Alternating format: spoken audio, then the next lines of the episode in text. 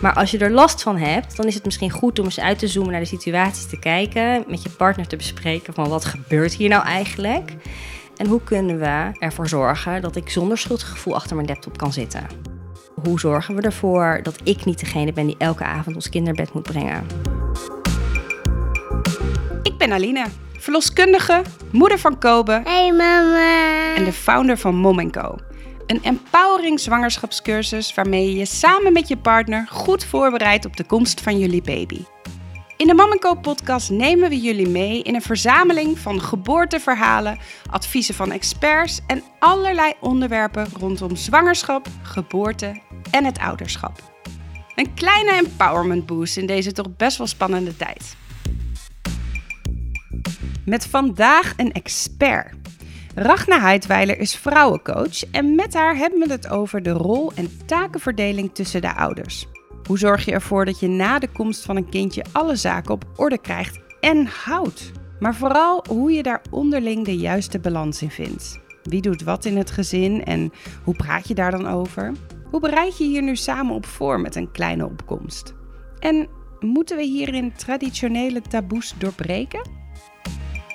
Deze podcast is onderdeel van onze cursus Het Vierde Trimester. Een online cursus die je volledig voorbereidt op de periode na de geboorte.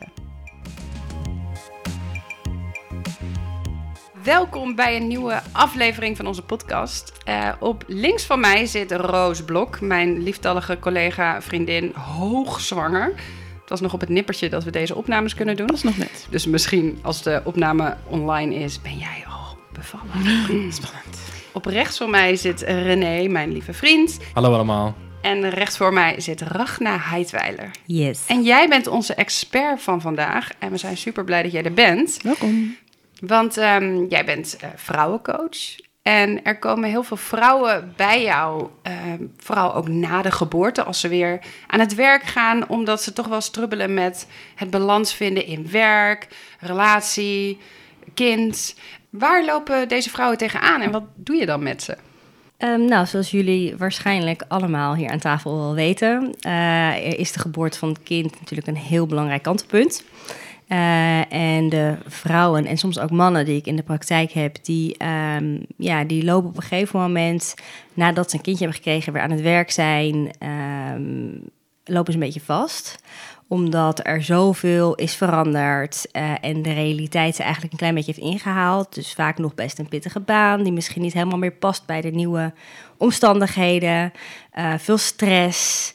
Uh, soms komt er dan nog een kind bij en dan, nou, dan komen de vragen op van wat wil ik nu eigenlijk echt?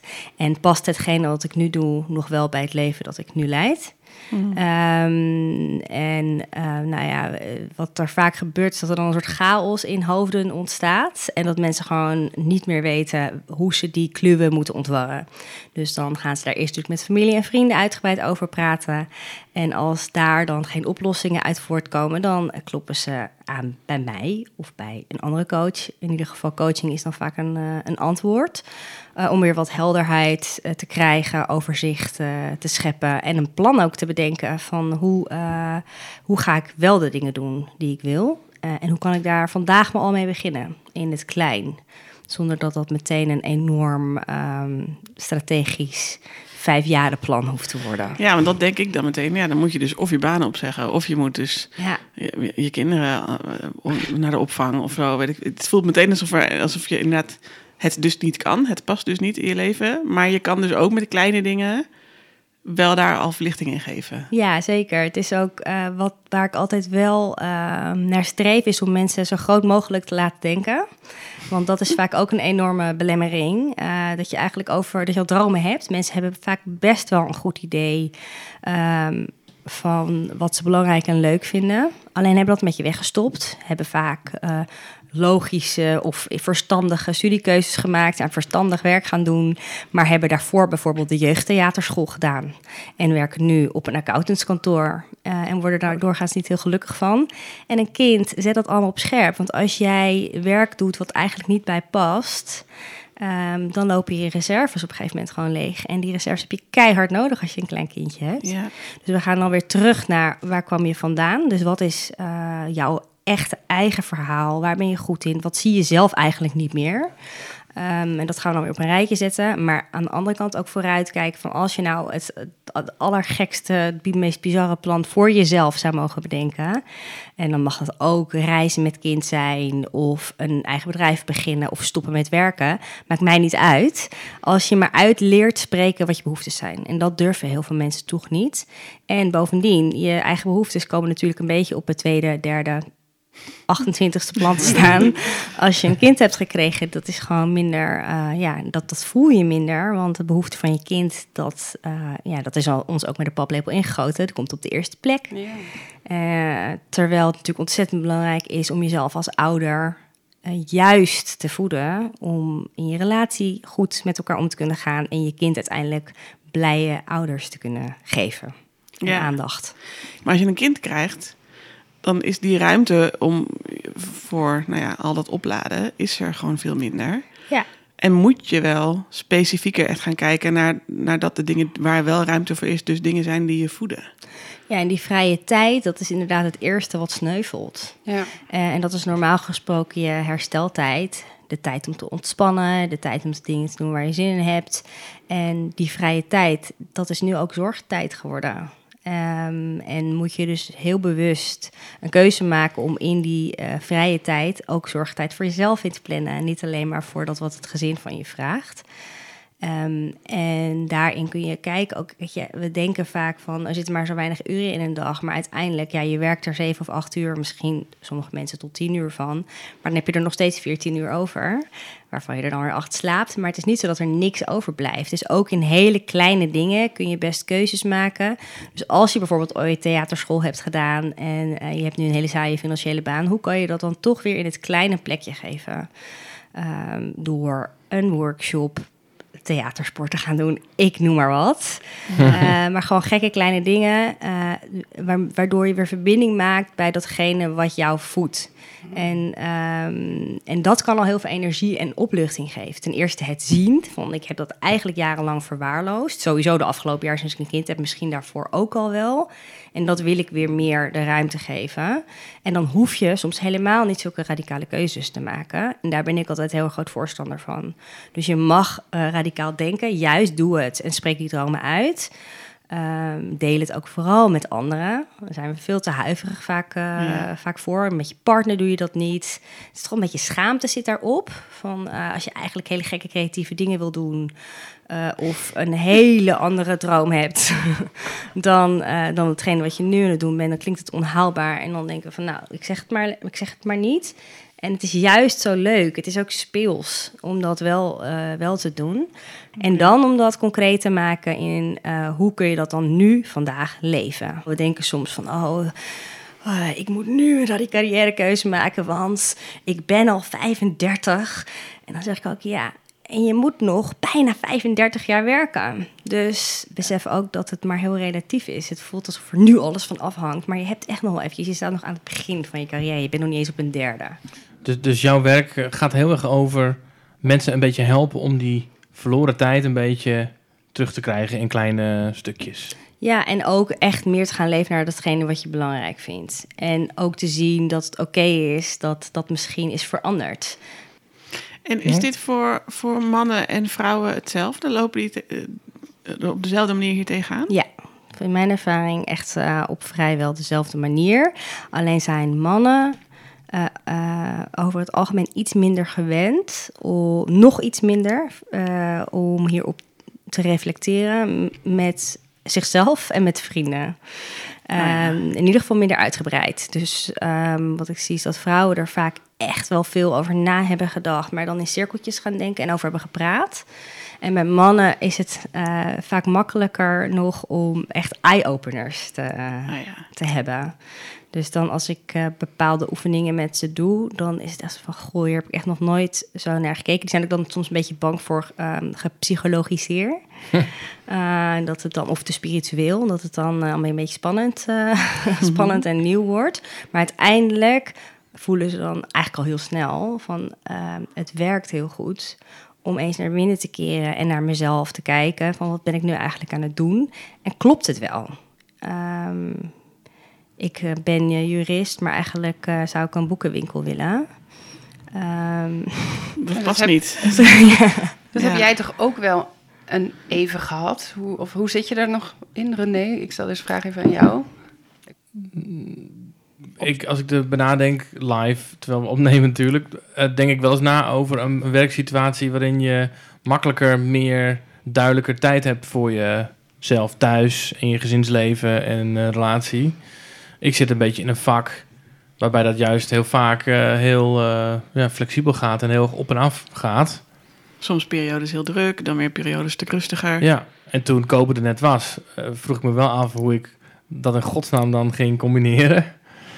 En dan ga je dat gewoon doen en dan valt het ook wel mee. Maar eh, en hoe vind je nu de mix die je hebt gevonden? eh, ik vind het wel altijd heel moeilijk om zeg maar alle kampen in je leven tevreden te houden. Dus de mensen met wie je samenwerkt en dan thuis nog genoeg tijd hebben. Ik ben altijd dan als de dood om dan eh, iemand eh, teleur te stellen. Of eh, Ja, en dan noem je dus nog niet eens jezelf hierin. Dat is ook grappig. Ja, Dus ook meteen ja. over werk en over thuis. En nog even wat, wat, wat jij wil wat zelf. wil ik? Ja. Dat noem je nog niet eens. Nou ja, dat is namelijk ook wat ik zit bij mezelf ook te denken. Bij mij, ik denk precies hetzelfde. Ja. Ik denk ook, ja, dat is echt een lastige combinatie tussen werken en welke carrière willen maken en eh, kindjes willen maken. En ik heb de laatste gedachte is pas, oh ja, en ik zou trouwens ook nog voor mezelf eh nou ja, één keer in de week een naailes willen doen en eh, willen sporten. En, maar ja, dat, dat is dat, dat zo onderaan die ladder. ja. Ja. Maar ik denk ook dat je daar, dat dat misschien wel een van de grootste veranderingen gaat zijn in je leven. Weet je wel, tenminste, je van niet een baby en alle tijd voor jezelf naar wel een baby. Het is zo moeilijk om je daarop voor te bereiden hoe, dat ga- hoe je dat gaat ervaren. Ehm, en wat je ook ziet, is dat het natuurlijk een hele geleidelijke verandering is die jaren duurt. Dat is, ik wou dat net zeggen, inderdaad, eh, wat Adine zei, wil ik dat net zeggen. Eh, het, eh, dat, dat traject van eh, voordat de baby komt, hoe ga ik dat ooit weer combineren, naar dat loopt. Ja. Nou, de koop is nu 2,5. Nu begint het een beetje. Ja, Ja, dat Ja. herken ik wel. ja. En ik denk ook dat als je kinderen hebt, dat het eigenlijk waarschijnlijk nooit meer ophoudt. Dat proces bedoel dat je? proces van meebewegen met wat een kind nodig heeft, wat je Ja. zelf nodig hebt, hoe de omstandigheden veranderen, dat verandert nooit meer. Maar we noemen die eerste vier jaar natuurlijk niet voor niks de tropenjaren. Het gaat gewoon keihard. In mijn geval moet ik, dat is misschien wel een goede nuancering inderdaad, dat wij heel bewust hebben gekozen voor willen we nu een kindje of niet. We waren al eh, nou ja, iets van tien jaar bij elkaar, acht jaar bij elkaar voordat we eh, gingen proberen om een kindje te krijgen. Omdat we allebei ook wel heel bewust hadden bedacht, als we dat gaan doen, willen we er ook eh, zo, willen we er ook echt van genieten. Dat wat je hoort achteraf van zoveel mensen. Had ik maar meer genoten van die periode? Had ik maar, was ik maar meer thuis geweest? Had ik maar meer aandacht gehad? Wij hebben wel ons heel bewust voorgenomen om dat dus te gaan doen. En dat ben ik al die jaren blijven doen. Dat ondanks dat het inderdaad zo ontzettend heftig is, ik wel de ruimte hield om het nog veel, eh, eh, veel meer leuk te maken dan niet leuk. Om het helemaal bewust te beleven Nou, ik denk dat en dat... dat, daar was nu pas weer ruimte voor. Voor de volledige experience die ik wil Ja. als ik een kindje krijg, zeg maar. Nou, ik vind dat wel een hele mooie boodschap, denk ik, ook naar de mensen die luisteren naar deze aflevering. Dat je voor jezelf ook gaat. Nou ja, daar gaan we het natuurlijk ook nog over hebben, maar dat je gaat voelen. Want uit mijn ervaring eh, merk ik heel erg dat ik heel graag heel goed wil werken, maar ook heel graag een hele goede moeder wil zijn en ook heel graag een leuke partner wil zijn. En dat allemaal samen, dat gaat niet als je alles tegelijk doet, zeg maar. Nee. Snap je, je kunt niet tegelijk met je kind spelen... terwijl je eigenlijk ook nog eh, dit op je werk wil doen, weet je wel? Ja, het is heel belangrijk ook, en daarin is dat vooruitkijken, waar we het net over hadden in grote dromen, is ook het vooruitkijken in praktische planning. Heel belangrijk. Ik zie ook dat heel veel mensen dat niet van nature makkelijk doen. Niet iedereen vindt het eh, leuk of eh, makkelijk om vooruit te kijken. Ehm, en ik denk dat mensen die bijvoorbeeld aan de cursus, aan de kraambedcursus meedoen, eh, dat al meer hebben. Want die willen zich voorbereiden ergens op. Met een kindje doe je dat sowieso natuurlijk al wel wat meer. Maar wat komt daarna? Hoe ga je de taken verdelen? Wie gaat eh, voor het kind zorgen? Wie gaat ehm, werken? Wie gaat, eh, weet je wel, hoe ga je, hoe, ga je, hoe ga je werk en zorg verdelen eigenlijk? Ja, ja, dit is natuurlijk de, de grote Hier de heb je echt op belangrijke te van dit verhaal, toch? Ja, Ja. en dat is iets eh, waar eigenlijk bijna niemand over praat. Daar is ook echt onderzoek naar gedaan. En mensen hebben het daar van tevoren niet over. Wel over, ik ga deeltijd werken. En dat is dan dus de vrouw. Uh, in uh, meer dan 9 van de 10 gevallen.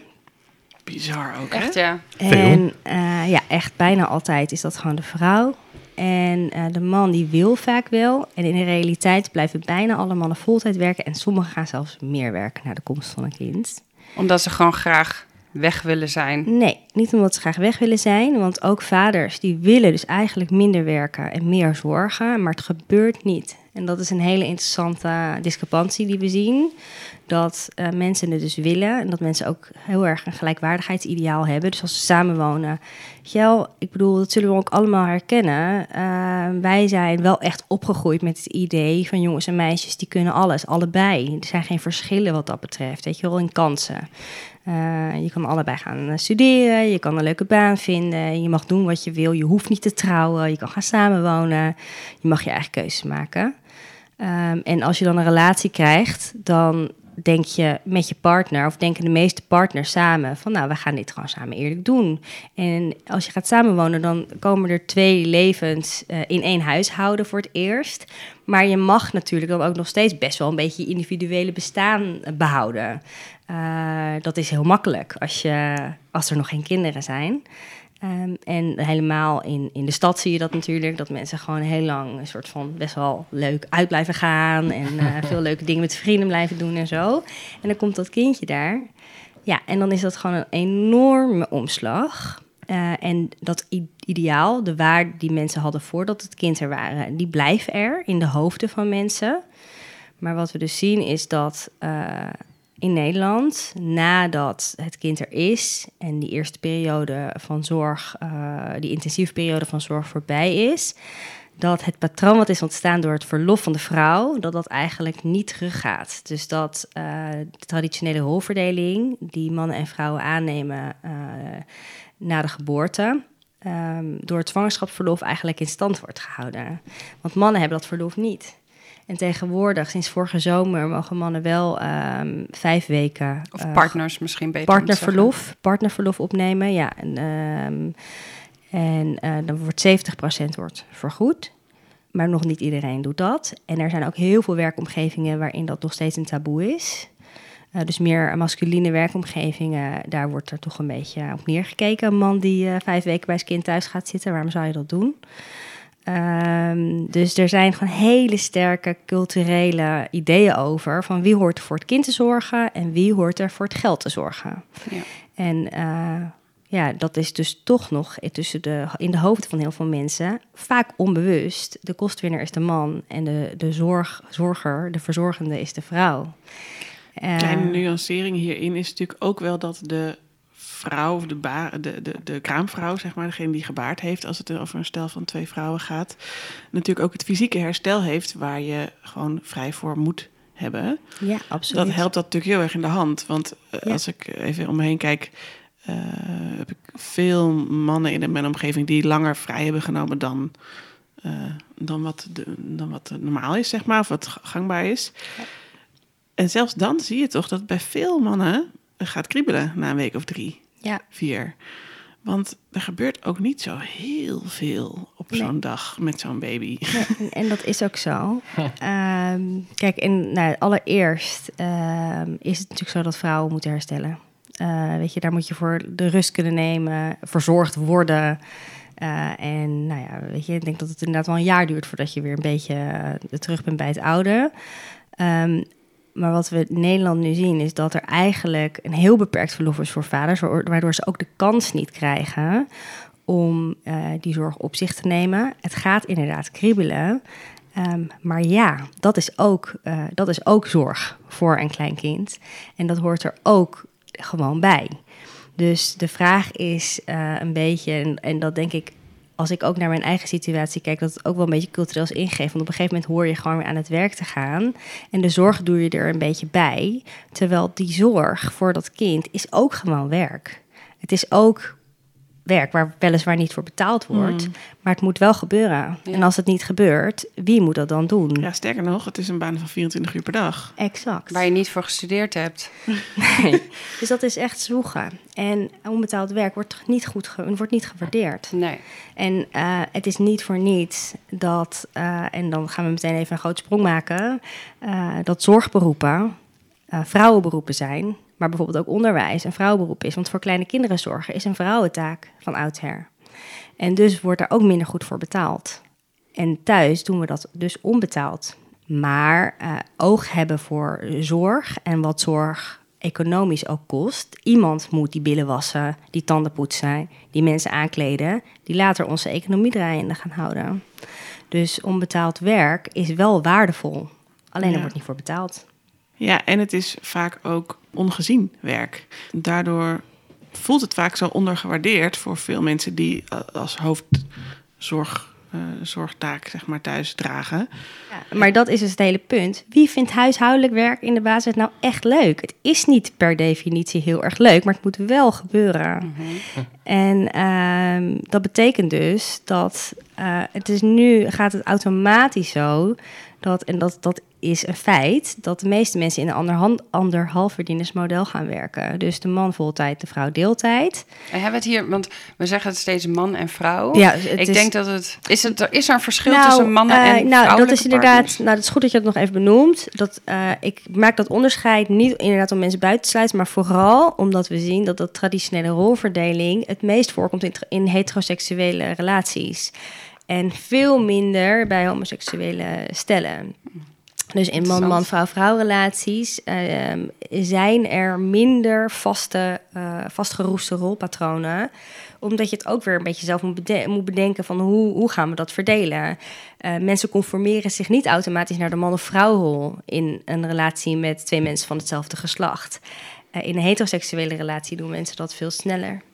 Dus dan eh, kijken ze meer naar hoe deden mijn ouders dat bijvoorbeeld. Niet Ja. eens bewust vaak, hè? Dat is eh, een, een heel onbewust proces. En als je dus twee mensen van hetzelfde geslacht hebt, dan heb je die rolmodellen veel minder. Nou, heb je die wel gehad. Maar ja, eh, ja, je kan allebei naar je moeder kijken of allebei naar je vader. Maar dan ehm, heb je die verdeling van taken. Ja, dat, dat moet toch ergens bij iemand dan op, iemand, op iemands bordje terechtkomen. Ja. Dus dat kan je veel meer zelf ontwerpen. En het probleem ligt veel meer dus inderdaad bij eh, in de man-vrouw relaties, waarin je vaak ziet dat, eh, ja, dat er dus een traditioneler patroon ontstaat dan mensen eigenlijk voor ogen hadden voordat de baby kwam. Dat is ook grappig, hè? Wat zit daar? Want we denken allemaal, we zijn dus modern en we zijn allemaal zo eh, geëmancipeerd. En, eh, en je krijgt een kind en je verliest het. dat Ja, Mijzelf dus- in kluis, hoor. Ik bedoel, eh, Nou, dat heeft dus met het verlof te maken. Dus de tijd die je als ja, maar vrouw... ook daarvan zou je kunnen denken, dat weten we van tevoren. We weten van tevoren, de vrouw heeft langer verlof en de man korter. Eh, Ja, er zijn heel erg veel verschillende eh, redenen voor. Ehm, die kan ik niet vandaag allemaal toelichten. Eh, het verlof is er één van. Dus inderdaad dat de mannen een, eigenlijk een achterstand eh, krijgen. Die beginnen, ja, die beginnen gewoon, vrouwen beginnen, tre- trekken een sprintje. Die maken meer uren met zo'n kindje. Dus het lijkt ook of vrouwen het beter kunnen. En dat is dus per definitie niet waar. Want er is geen enkel bewijs dat vrouwen, behalve de borstvoeding, eh, en biologisch beter gewired zijn om voor een kind te zorgen dan mannen. Dus mannen kunnen het net zo goed, alleen die vrouwen maken vaak meer uren. En dat bevestigt heel erg het stereotype idee dat vrouwen beter zijn in zorgen. En eh, het lijkt haar dus makkelijker af te gaan. Ehm, en dus is het voor mannen dan soms makkelijk om te zeggen: Oké, nou prima, zij is sneller, Doe zij is maar. beter, doe jij het maar. Maar aan de andere kant zijn vrouwen ook heel erg geneigd om het naar zichzelf toe te trekken. Nou, ik weet niet even een rondje langs de vrouwen hier aan tafel. ik kan me wel in dat beeld herkennen van eh, dingen naar me toe trekken. Nou ja, naar aanleiding daarvan is flink wat discussie ontstaan. Want ik kan wel meer eisen. Maar als ik dan voor het niet loslaat en als een pitbull me vastbijt in die hydrofiele doek, ja, dan eh, wordt het best wel een lastig verhaal. Nee, maar dit is natuurlijk wel wat er aan de hand is. Als je het hebt over de traditionele rond- rolverdeling en heteroseksuele relaties. De verschillen tussen man en vrouw zijn natuurlijk ook gewoon in ons, denk ik dan, in ons DNA vastgelegd. Dat dit soort dingen gebeuren. Dat een vrouw die rol ook naar zich toe trekt. Dat het niet alleen Dat dat gewoon een beetje hoort bij de identiteit van uh, Ja, ons? ik denk dus dat je daarin heel goed onderscheid kunt maken tussen DNA en identiteit. Ja, dat Want is DNA een is natuurlijk, verschil, ja. ja. dat is, dat is een, dat zou een natuurlijke karaktereigenschap zijn van vrouwen dat ze beter kunnen zorgen. Maar is dat bijvoorbeeld zo, een verschil in ons DNA? Weet je dat? Het schijnt niet zo te zijn. Oké. En natuurlijk zijn er grote hormonale verschillen eh, tussen mannen en vrouwen. Maar de vaardigheden die bij het zorgen horen, die, kunnen, die hebben mannen net zo goed. Ja. Maar wat jij zegt over identiteit is heel erg waar. En dat is heel erg cultureel bepaald. Want vrouwen zorgen al eeuwenlang. Dus ga dat maar eens. Weet je, daar inderdaad, wij identificeren ons daar ook mee. Ik hoorde gisteren een podcast van Kluun. Die vertelde dat zijn, eh, dat zijn ouders nooit kwamen kijken bij, eh, weet ik veel, RKC, eh I don't know, somewhere in Brabant, waar hij speelde. Maar dat, je, dat het nu echt nat dan was, dat hij als ouder niet mm, bij de voetbalclub van zijn dochter stond te kijken elke zaterdag. Je moet er bovenop zitten als ouders, want anders doe je het niet goed. Maar dat wordt vooral op de moeders geprojecteerd.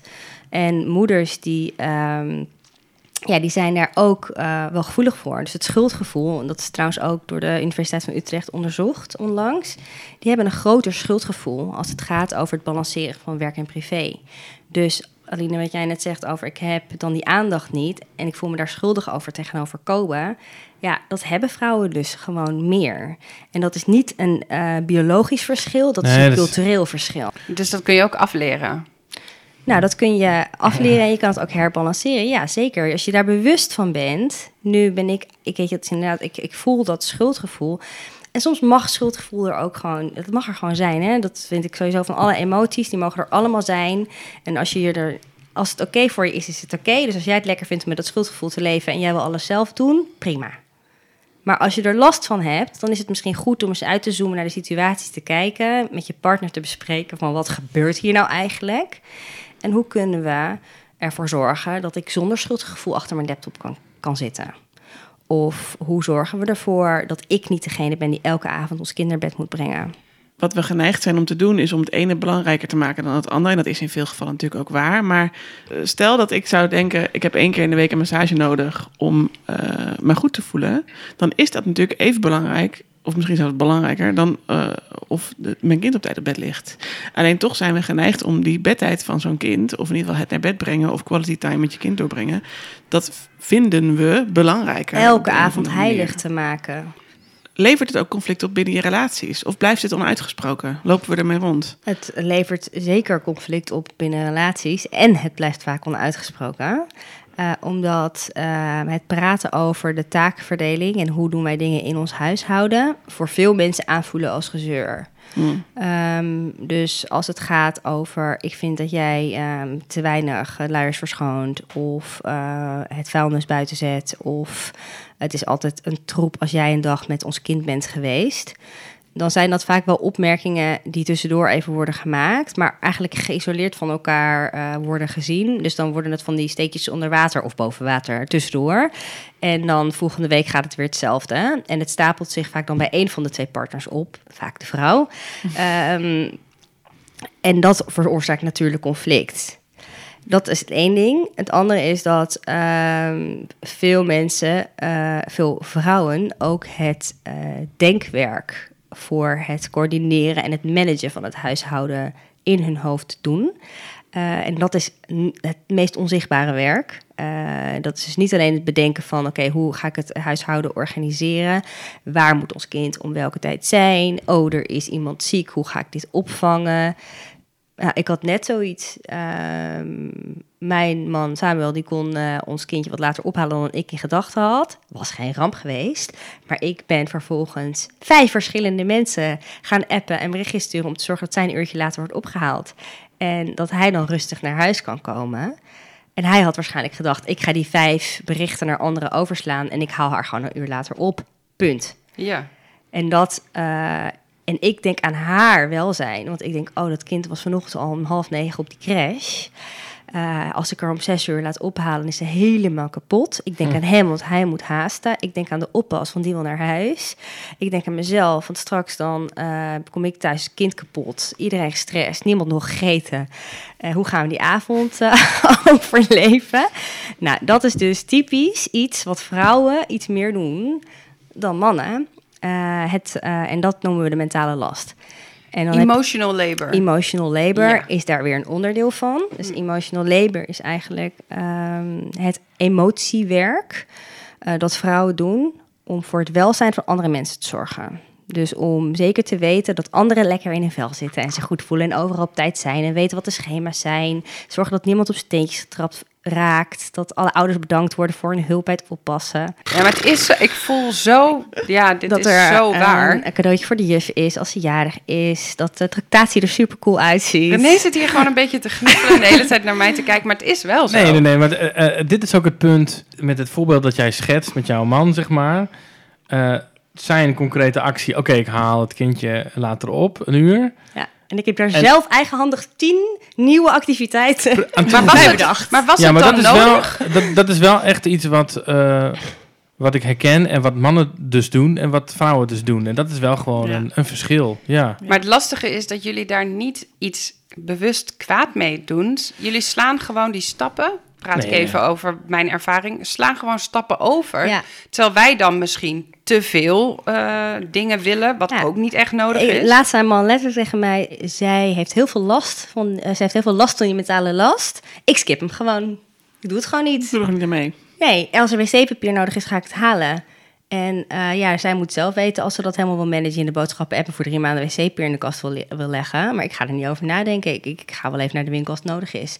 Met andere woorden, als het zich aandient, los ik het op. Maar ik ga niet eh, al die stapjes vooruit denken om te zorgen dat straks iemand zonder playpapier op de wc zit. Nou, dat snap ik wel, maar dat is, dat, dat is gewoon lastig. Want dan is de vrouw altijd al voor. Want die heeft al bedacht, ja, maar Nou ja, Ja. Of niet dus. Of we Je gaan moet het loslaten. duidelijke Exact. afspraken Ja, en dat is dus heel belangrijk ook dit om je bewust van te zijn. Ehm, vrouwen doen het iets meer en daar is het belangrijk, oh, jullie vroegen van nou wat kan je dan concreet doen?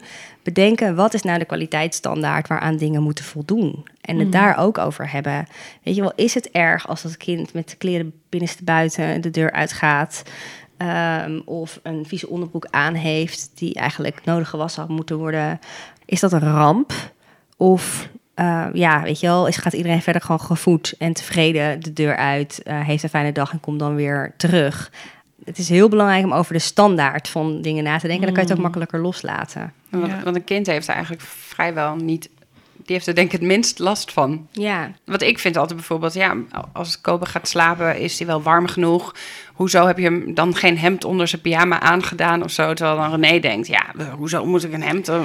En Kobe slaapt gewoon heerlijk de hele nacht door. ja, dus waar maak je dan eigenlijk druk om? Ja. Het kost je super veel energie en dat is echt een lek. Dus dat moet je je ook afvragen waar je dus druk om besluit te maken. Ja, Misschien. zeker. Dus dat is de, echt het, het emotiewerk, eh, waar, waar vrouwen en mannen een beetje anders in zijn. En waar ook, waardoor vrouwen ook een andere, bijvoorbeeld, een- we hadden het eerder over vrije tijd, waarin vrouwen ook een andere vrije tijdsbeleving hebben. Omdat die dus in hun vrije tijd ehm, veel meer van dat werk, eigenlijk multitasken. Ehm, de vrije tijd gaat gewoon gepaard met het in je hoofd boodschappenlijstjes maken, een planning voor de volgende dag uitdenken. Ehm, je schuldig voelen inderdaad omdat je je moeder bent vergeten te bellen. En dat hoofd gaat maar door. Dus de, de vrije tijd van vrouwen is vaak wat meer vervuild met zorgtaken dan die van mannen. Dus die kunnen wat makkelijker naar de speeltuin gaan en daar dan zijn. Of appen. En vrouwen die voelen zich dan heel schuldig daarover. Ja, en dat is dus een reden ook dat eh, veel vrouwen dus toch ook voor die deeltijdbaan kiezen en blijven kiezen. Want het besef is er dat als je dat niet doet, dat je dan naast veel werk ook nog in de tijd, de veel minder vrije tijd die dan overblijft, ook die zorgtaken moet proppen. En dat is dus bijna niet te doen. En daarom is het zo belangrijk om daar wel in bij te sturen en daar, je daar bewuster van te zijn. En dat met elkaar ook meer te levelen van kunnen we die taak op een andere manier samen delen. En die emotionele last is één ding. Dus weten dat je dat hebt en dat je daarin misschien ook wat meer kunt loslaten. Maar aan de andere kant ook ehm, zijn er ook de managementtaken. En dat zijn gewoon dingen in een huishouding die moeten gebeuren. Dus het onzichtbare zichtbaar maken. Dat is het andere. Dus je hebt het emotioneel van de mentale last en het managementdeel van de mentale last. En die management- managementtaken die kun je expliciet maken. Die zitten in het hoofd, maar die kun je eruit halen en eh, in een schema stoppen.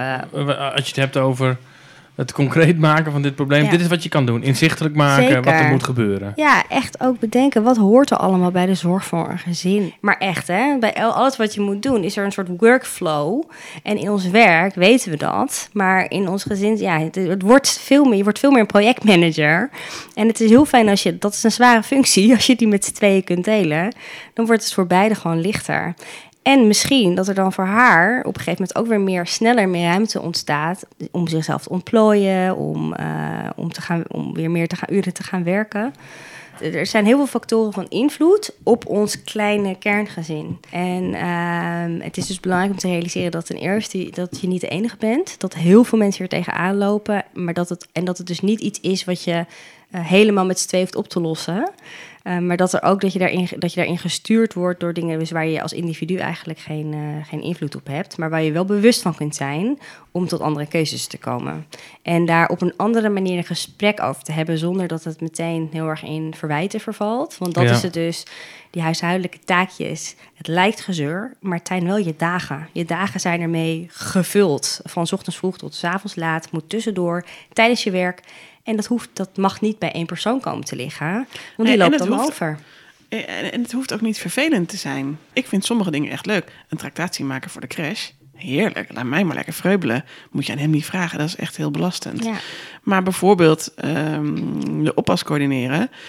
ervaar ik echt veel last van. Terwijl hij doet dat zo erbij, weet je, dat is toch prima. Maar als je het niet over hebt... eh, eh, en automatisch is er eentje die alles naar zich toe trekt... dan zal je er nooit achter komen dat je dat eigenlijk veel efficiënter kan verdelen. Een ander ding wat ik jou wel eens heb horen zeggen is eh, dat voornamelijk mannen geneigd zijn om wel iets te zien, iets wat moet gebeuren, dat dan te vermelden. Ehm, maar punt. Ik weet het niet meer precies, maar je zei iets van een, een taak bestaat eigenlijk uit drie, stappen. onderdelen of zo. Ja, klopt ja. Ja, en dit is eh, een tip, daar zal ik er eerlijkheidshalve bij vermelden, die ik zelf uit het boek heb, eh Fairplay van Yves Rotsky. Eh, het is een leuk boek. Het gaat over nou ja, het verdelen van de huishoudelijke taken met hele praktische tools. Die heeft een soort kaartspel ontworpen. Ehm, maar die laat ook zien dat aan elk, bij elke taak is er de conceptfase. Dus eh, zien dat er een taak voor je ligt. Ehm, de eh, planfase, dus het moment waarop die taak uitgevoerd gaat worden. Dat concept een plek krijgt in de planning. Eh, en dan is er het moment van uitvoering, dat het ook daadwerkelijk gebeurt. En dat laatste, dat die laatste twee stappen, die blijven nog wel eens liggen. Dus iemand merkt het op. Ja. We hebben geen reisverzekering. Punt. Wifi doet het niet. Punt. Maar dat is wel belangrijk. Het is up in the air. Wie gaat dit Ja, ja, ja. oppakken? Ehm, nou ja, en dit is eigenlijk een concept dat ik ook best wel vaak gebruik bij co- in coaching. Van je wil iets, dus je hebt een heel goed idee nu van wat je wil.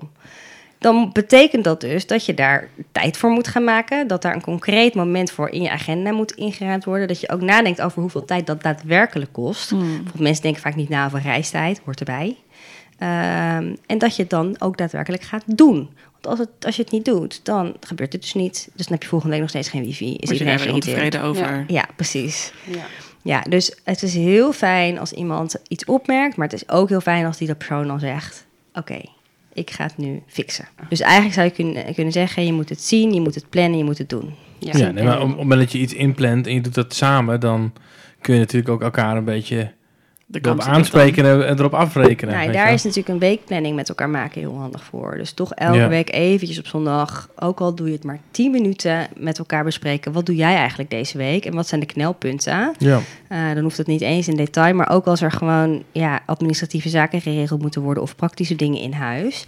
eh, of rondom kind, dan eh, kun je dat meteen even aftikken en zeggen van oké, jij doet dat, jij doet dat. En wie dat dan wanneer inplant, dat laat je dan dus weer los. Ja, en je moet er zelf dus ook even boven gaan hangen. Van wat heb ik nu eigenlijk allemaal op mijn bord en wat zou ik graag met die ander willen delen of willen doorschuiven. Ja, als ik even mag eh, zelf ref- reflecteren, is dat ik, maar ik weet sowieso wel een paar vriendinnen te noemen waar dat ook bij speelt. Dat je wel loopt te zeuren over hoeveel je doet, maar tegelijkertijd niks uit handen wil geven. nee, maar dat, Dat, je is gewoon, dus. dat, je, dat ik ook denk, ja, eh, maar ik wil het ook allemaal zelf doen. Want, want als hij het doet, dan gaat het anders. En dat is het me niet waard. Het moet Nee. wel precies op mijn manier. Dat komt heel erg veel voor. Daar is ook een term voor, maternal gatekeeping. de moederlijke poortwachter. Nou, je ziet er al bijna voor je staan. Mhm. Een enorme moederkloek die gewoon zegt: dit is hoe het gaat gebeuren en niet anders. Jij doet het fout.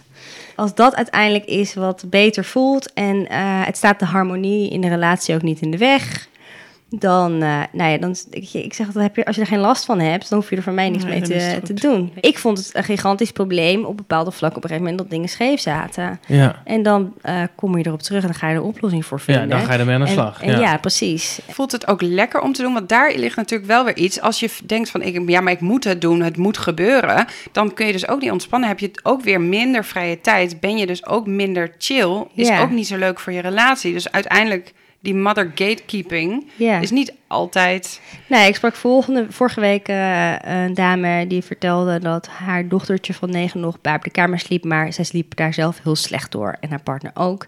En eigenlijk was het de bedoeling dat dat kindje al naar een ander kamertje zou gaan. Eh, en daar zag zij duidelijk enorm tegenop. En nu was eh, het verhaal van ja, nee, maar dat kamertje moet eerst opgeruimd worden. Ik moet nog eventjes een van die muren een kleurtje geven. Er liggen nog allemaal tassen. En nou ja, goed, een, een enorme waslijst met dingen die nog met het kamertje moesten gebeuren. Terwijl eigenlijk wat ze wilde, was heel graag wat meer ruimte in haar eigen slaapkamer voor zichzelf. Ja.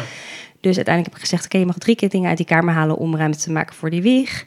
En dan ga je haar daar laten liggen. Mijn kind slaapt nu in de werkkamer. Het is coronatijd. We hebben een klein huis. Pech. Baby heeft er geen last van, maar jij hebt nu het beeld dat die kamer perfect moet zijn en één groot hof van Eden voor de baby. Dat hoeft helemaal niet. Het is, eh, het is oké. En die had echt even de toestemming nodig om het dus niet perfect te doen. Ja. En dan is je standaard heel hoog en het hard werken. Dus eigenlijk zeggen we, even samenvattend, dat je eigenlijk ook al als je gaat samenwonen of überhaupt een relatie hebt, het gewoon heel goed is om uit te spreken wat is mijn verantwoordelijkheid, wat is jouw verantwoordelijkheid en zijn we het daar eigenlijk wel mee eens.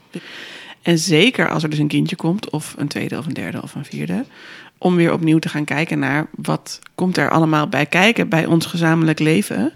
En dan dus ook de dingen die niet in het doen zitten, maar in het plannen en het voorbereiden en het bedenken.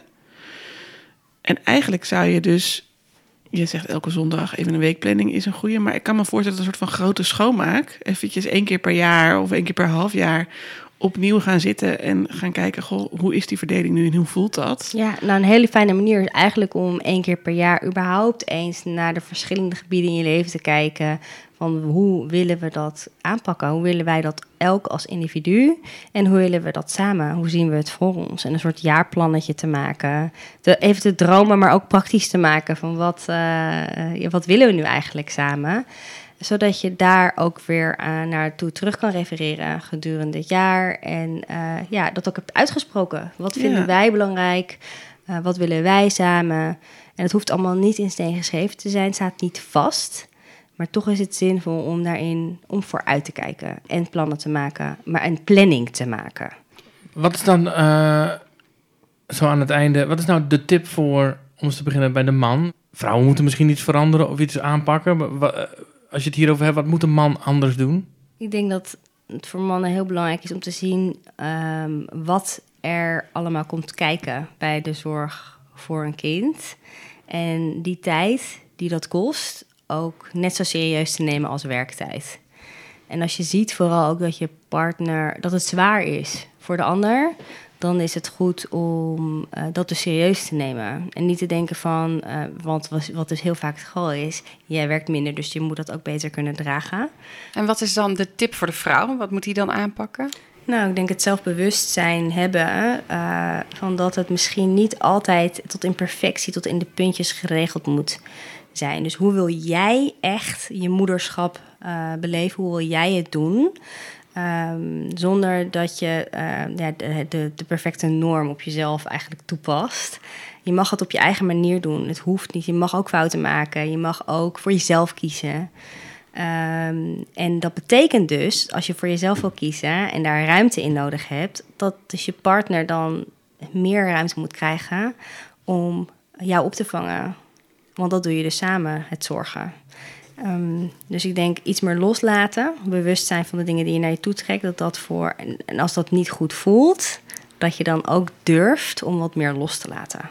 Ja, en dat je hulp mag vragen Ja. ook. Want dat mogen heel veel vrouwen ook niet van zichzelf. Ja, en het fijne is ook, heb ik gemerkt, dat als je het dus het gesprek wel opengooit en je gaat samen echt kijken naar die balans en je komt erop uit dat het niet past, dat je allebei wil werken en allebei wil zorgen, maar dat er meer werk te doen valt, of dat nou zeg maar werk thuis is of echt werk, dat je dan ook samen naar een oplossing gaat zoeken. Ja. En dat betekent dan dus misschien een extra dag opvang. Of, eh, Bijvoorbeeld. nou ja.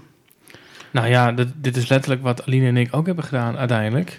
Ja, maar Dat- laten dat- we even het taboe doorbreken. Vanaf dat Kobe geboren werd of dat hij naar de opvang ging, hebben wij elke keer om de dag opvang gehad, drie dagen.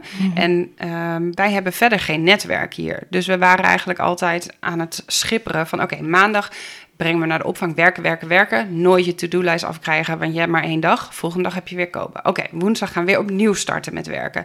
Maar de volgende dag heb je weer Kobe. Dus wij hebben uiteindelijk ehm, een paar maanden geleden besloten, weet je wat, we gaan wel tegen wat het gevoel is, wat goed is, zeg maar. We gaan hem gewoon vier dagen naar de opvang brengen. Maandag tot en met donderdag gaat hij naar de opvang. Het is het beste wat we ooit hebben gedaan, weet je wel? Want we hebben ineens rust. We hebben ineens veel meer Mhm. plezier samen ook. Kobe gaat met superveel lol naar de opvang. Hij komt hartstikke blij thuis, leert superveel. Er is gewoon veel meer rust, omdat wij ons zo'n extra dag hebben gegund. Alleen ik vond het heel moeilijk, dat schuldgevoel. Je brengt toch niet je kind naar de opvang? En nu zijn Toch wij zo'n ouder die dat wel doen. En ik wil alleen maar zeggen, gun het jezelf, gun het je kind. Want het is echt, het, nou ja, mijn leven is echt tien keer verbeterd sinds hij wat meer naar de opvang gaat. En ik geniet ook veel meer met de tijd die we samen hebben nu. Ja. En hadden jullie dit kunnen voorkomen door, je, door dit gesprek eerder te voeren? Of door je hierop voor te bereiden? Of door de tips eigenlijk die we in deze podcast tot nu toe Ja. gegeven hebben te doen? Kijk, nou, als ja, dat ik- denk ik wel, ja. Stel, wij hadden dit heel op papier gezet en we hadden echt inzichtelijk gemaakt wat we allemaal moeten doen. Dan waren we denk ik eerder tot de conclusie gekomen dat de tijd die we hebben om te werken en te chillen te weinig was en dit dus nodig. eh, Ja, en we hadden. zijn Ja. allebei ondernemer en we hebben allemaal plannen en we willen veel. En we bedoel, maak een podcast, we hebben cursussen, we doen van alles. Eh, dus het kan ook gewoon niet in drie korte dagjes. Nee, dus hoeveel tijd heb je voor de dingen die je wil Precies. Ja. en die er nodig zijn? Het is eigenlijk een, eh, simpele rekensom uiteindelijk. ja, je kan gewoon een schema maken. Ja, nou Ragna, super fijn dat je hier was. En eh, nou ja, zoals we merkten met elkaar, is dit inderdaad een heel onderwerp wat ons allemaal raakt, waarop we allebei he- allemaal heel erg aanslaan. Maar super fijn dat jij eh, bij ons eh, aan tafel wilde zijn. Dus dank je wel. Dankjewel. Ja, jullie ook. Dankjewel. Ja, leuk. Het was gezellig. Oké. Oké. Fade out. Leuk jongens. Leuk dat je luisterde naar deze aflevering.